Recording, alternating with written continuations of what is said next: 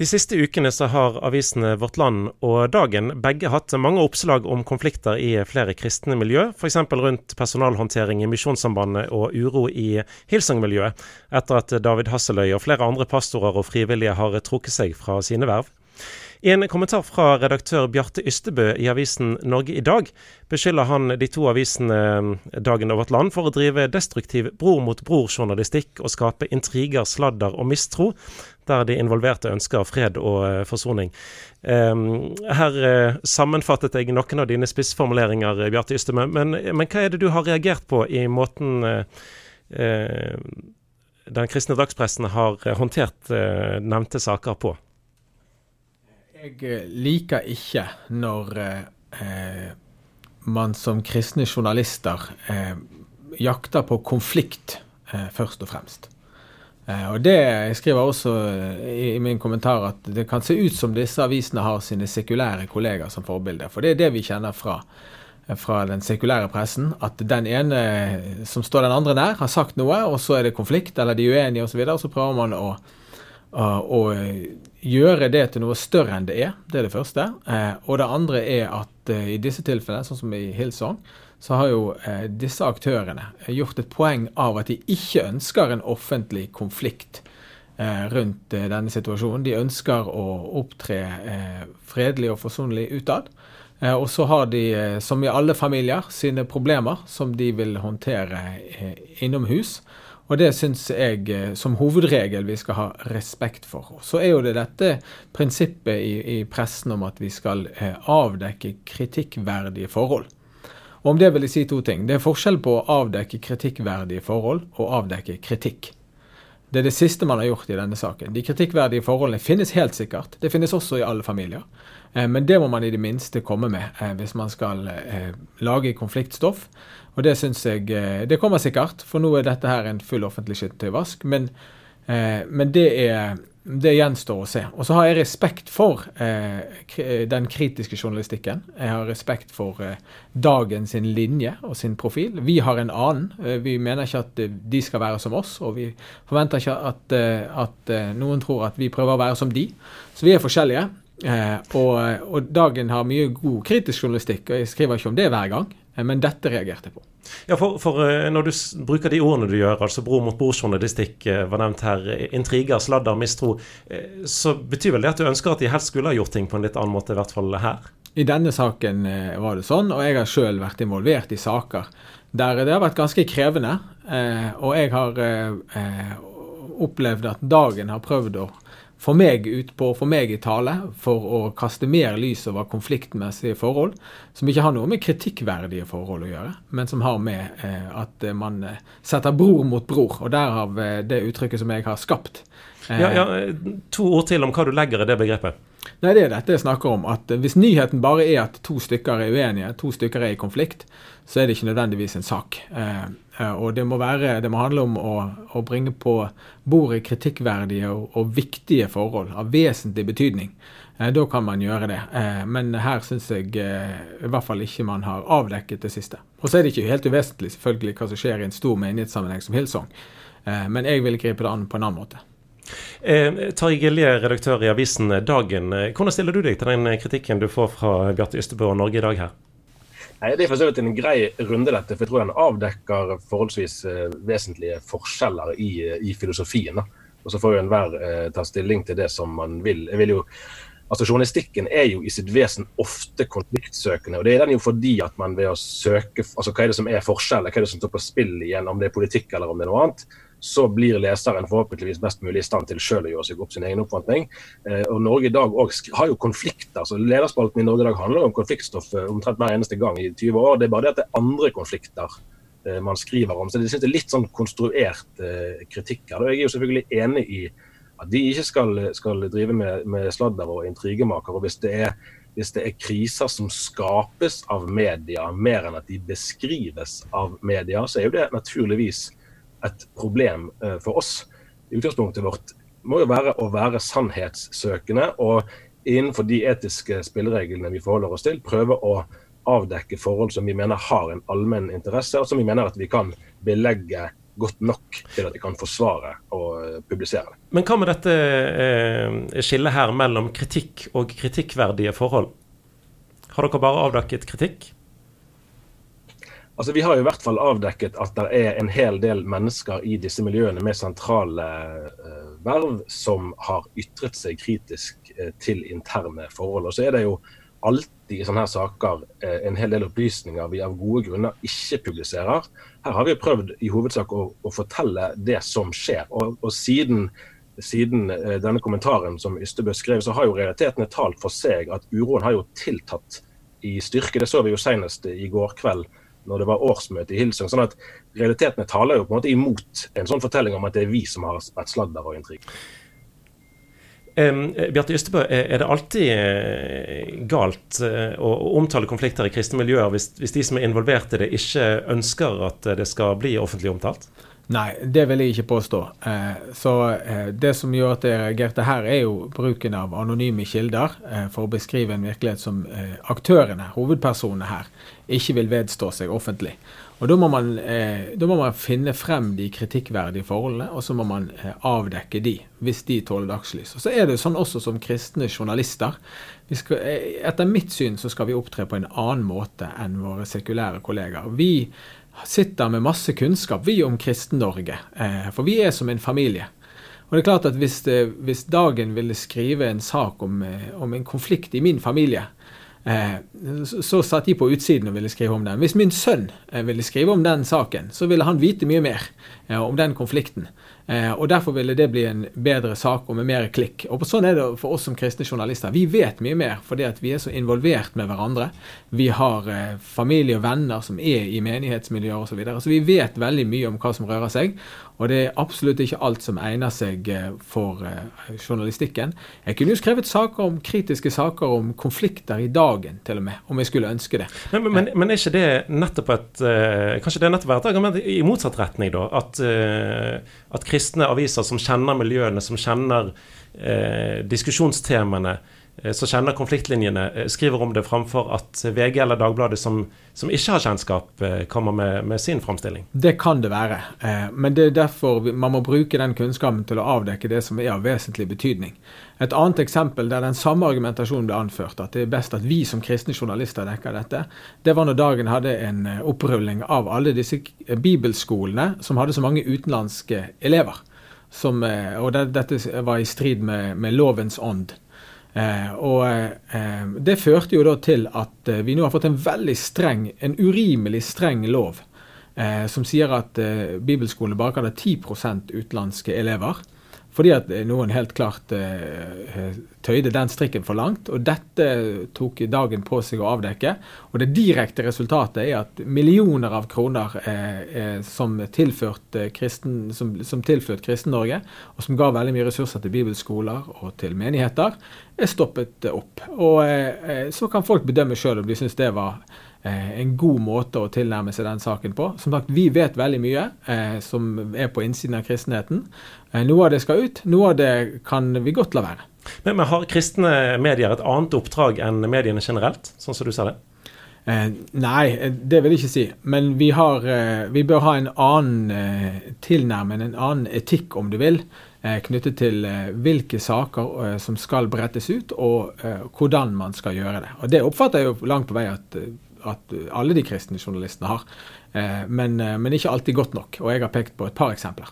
Eh, Gilje, hva tenker du? I hvilken grad bør kristne medier oppføre seg og prioritere annerledes enn sekulære medier?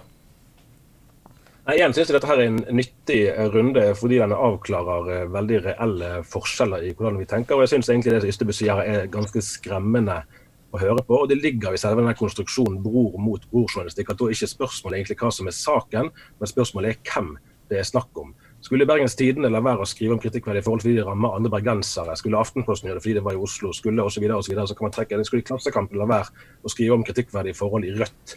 Hvor er, hvor er det det fører oss hen? Hvis spørsmålet ikke er hva som er de faktiske forholdene, men om det bryter ned solidariteten. Det hadde vært mye lettere for oss som dagen å følge linjen til Norge i dag og la være å skrive om disse forholdene. Men den helt konkrete konsekvensen ville jo være at det ville være mange flere ofre for maktmisbruk i kristne miljø. Det ville være mange flere som gikk med store sår gjennom livet fordi deres historie aldri ble fortalt. Det ansvaret har jeg ikke klart å ta på meg. Eh, men når det gjelder dette med bruk av eh, anonyme kilder, f.eks. I et oppslag i, i, Norge i dag så eh, ber ledelsesprofessor Jan Inge Jensen ved Universitetet i Agder eh, aviser om å unngå ryktespredning, og eh, mener at kristenledere eh, lett blir hengt ut ved at anonyme kilder får komme med, med påstander. står en i, i en, en, fare for å trå feil her? Ja, den faren står en alltid. Det er alltid fare for å trå feil. Og det er helt sikkert eksempler på at vi har trådt feil. Men jeg syns ikke det er noe bedre alternativ å vaske sine hender og holde seg utenfor den delen av journalistikken og skylde på andre som etter fattig evne prøver å gjøre et nøkternt arbeid. Jeg mener Jan Inge Jensen grovt karikerer virkeligheten i sin kritikk, og burde se nærmere på hva som egentlig er gjort her av arbeid. Han vet ikke hvem vi har snakket med, han vet ikke hva de har sagt, vet ikke hva de ikke har sagt. Burde være mer forsiktig med den type kritikk som kommer med her. Eh, dere har jo allerede debattert dette her litt i, i eh, hverandres spalter. Eh, og Gilje, du, du, går vel eh, relativt langt i å antyde at eh, Norge i dag har andre regler for, for eh, egne miljøer enn andres miljøer. Altså, Bjarte Ystebø, dere er jo kjent for å være veldig tydelige, ikke minst på lederplass. Eh, når det gjelder kritikk overfor miljøer som, som dere står langt unna. Eh, gjelder det andre regler for eh, miljøet dere står nært? Vi prøver å ikke ha det sånn. Jeg ser at det er nevnt i kommentaren til Tarjei, og det jeg skal ikke si at ikke det har skjedd, at vi har forbigått ting som vi kunne ha god grunn til å skrive om. Det, men vi, vi, vil ikke at det skal være sånn. Samtidig så prøver vi å debattere sak mer enn person. Vi debatterer teologiske uenigheter, strategiske uenigheter i kristen Norge, politiske uenigheter. Prøver å holde oss til sak og ikke person. Eh, og det mener vi eh, blir en mer fruktbar debatt ut av. Men Gilje her er altså bekymra for eh, hva som vil skje hvis en ikke omtaler konflikter som, som, pågår. at det kan, eh, eh altså, Hvilket ansvar tenker du at eh, en kristen redaksjon har overfor varslere og andre som, som opplever eh, negative ting? Ja, og, og der siterer Tarjei meg ganske feil når han sier at jeg mener vi ikke skal gjøre det i det hele tatt. For det sa jeg ikke. Jeg sa bare det at skal man gjøre det, så får man gjøre det skikkelig. Eh, og jeg mener man har et ansvar for å avdekke kritikkverdige forhold. Og det betyr ikke at enhver varsler sin historie skal komme ut som den er. Da skal man selvfølgelig eh, utføre journalistisk håndverk på det. Få fram begge sider, og gjerne flere sider, for det er det ofte i sånne saker. Og Hillsong-saken er et godt eksempel på det. Og så er det jo sånn at man snakker mye om ofrene for alle disse tingene. Det, og det har jeg veldig stor respekt for. Jeg kjenner folk som har vært på alle sider av sånne konflikter. Men så har det seg sånn også, sikkert litt pga. vår forskjellige tilnærming til disse sakene, at jeg regelmessig har samtaler med ledere i Kristen-Norge, pastorer og andre, som er av sjelesørgerisk art.